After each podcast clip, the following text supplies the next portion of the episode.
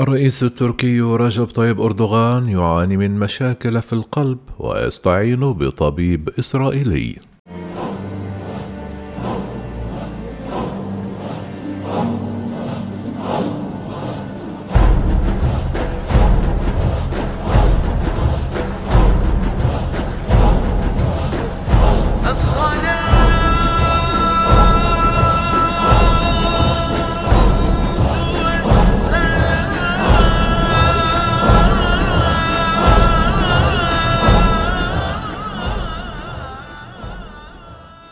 كشفت وسائل إعلام إسرائيلية أن الرئيس التركي رجب طيب أردوغان استعان مؤخرا بخدمات طبيب قلب إسرائيلي كبير مما يشير إلى مشاكل محتملة لديه في القلب.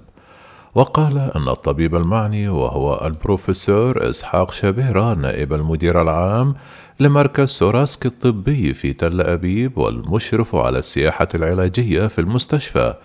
كما أوضحت أن شابيرة مختص في مجال الأمراض القلبية ويقدم المشورة الطبية لعدد من قادة العالم بشأن المشاكل الطبية والعلاجات. كما نقلت وسائل الإعلام الإسرائيلية عن مصادر مطلعة قولها لن يكون الأمر مفاجئ إذا التقى أردوغان بالطبيب الإسرائيلي في تركيا وفي المقابل رفض المستشفى وكذلك الطبيب الإسرائيلي التعليق على الخبر. يذكر أنه في الأشهر الأخيرة ترددت شائعات في تركيا بأن أردوغان الذي سيحتفل بعيد ميلاده الثامن والستون الشهر المقبل يعاني من مشاكل صحية لكن في نوفمبر الماضي نشرت الرئاسة التركية مقطع فيديو للرئيس التركي مدته 12 ثانية. وهو يمشي بهدوء ردا على الشائعات المتداولة.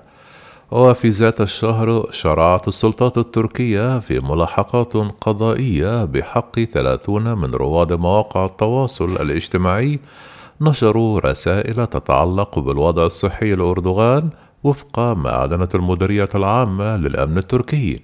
كما قالت المديرية في بيان صحفي في حينه أنه تبين تناقل واسم وفاته على شبكة التواصل الاجتماعي تويتر مع إشارات إلى الرئيس أردوغان وأضاف البيان أنه بموجب الوسم المذكور تم تحديد 30 شخصا يعتقد بأنهم شاركوا محتوى معلومات مضللة وتم الشروع في الإجراءات القضائية الضرورية بحقهم.